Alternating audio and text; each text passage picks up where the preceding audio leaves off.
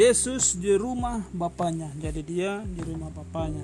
Yerusalem jauh dari Nazaret, tapi sekali setahun Yusuf dan Maria, bapak dan ibunya Yesus pergi ke Yerusalem. Mereka merayakan Paskah. Lalu mereka menyembah Allah di bait suci. Ketika itu Yesus berumur 12 tahun. Mereka membawanya ke Yerusalem. Itu waktu yang sungguh menyenangkan. Yesus bersuka cita dia boleh ikut. Dia ingin melihat bait suci yang indah, rumah Allah yang besar, dan senang kali rasanya dia pergi ke sana. Banyak orang yang pergi, mereka semua pergi bersama-sama.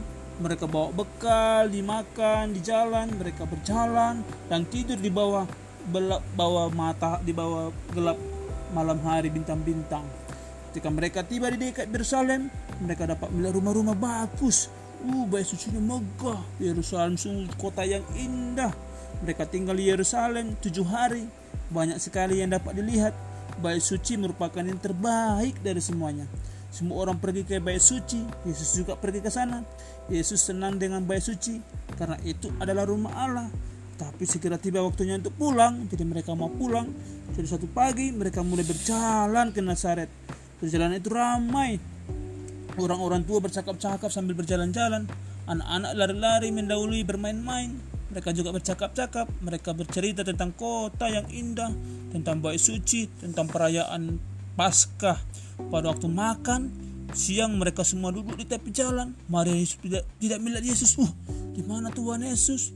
Apakah ia sedang makan dengan teman-temannya? Sepanjang hari mereka terus berjalan. Kemudian malam pun turun.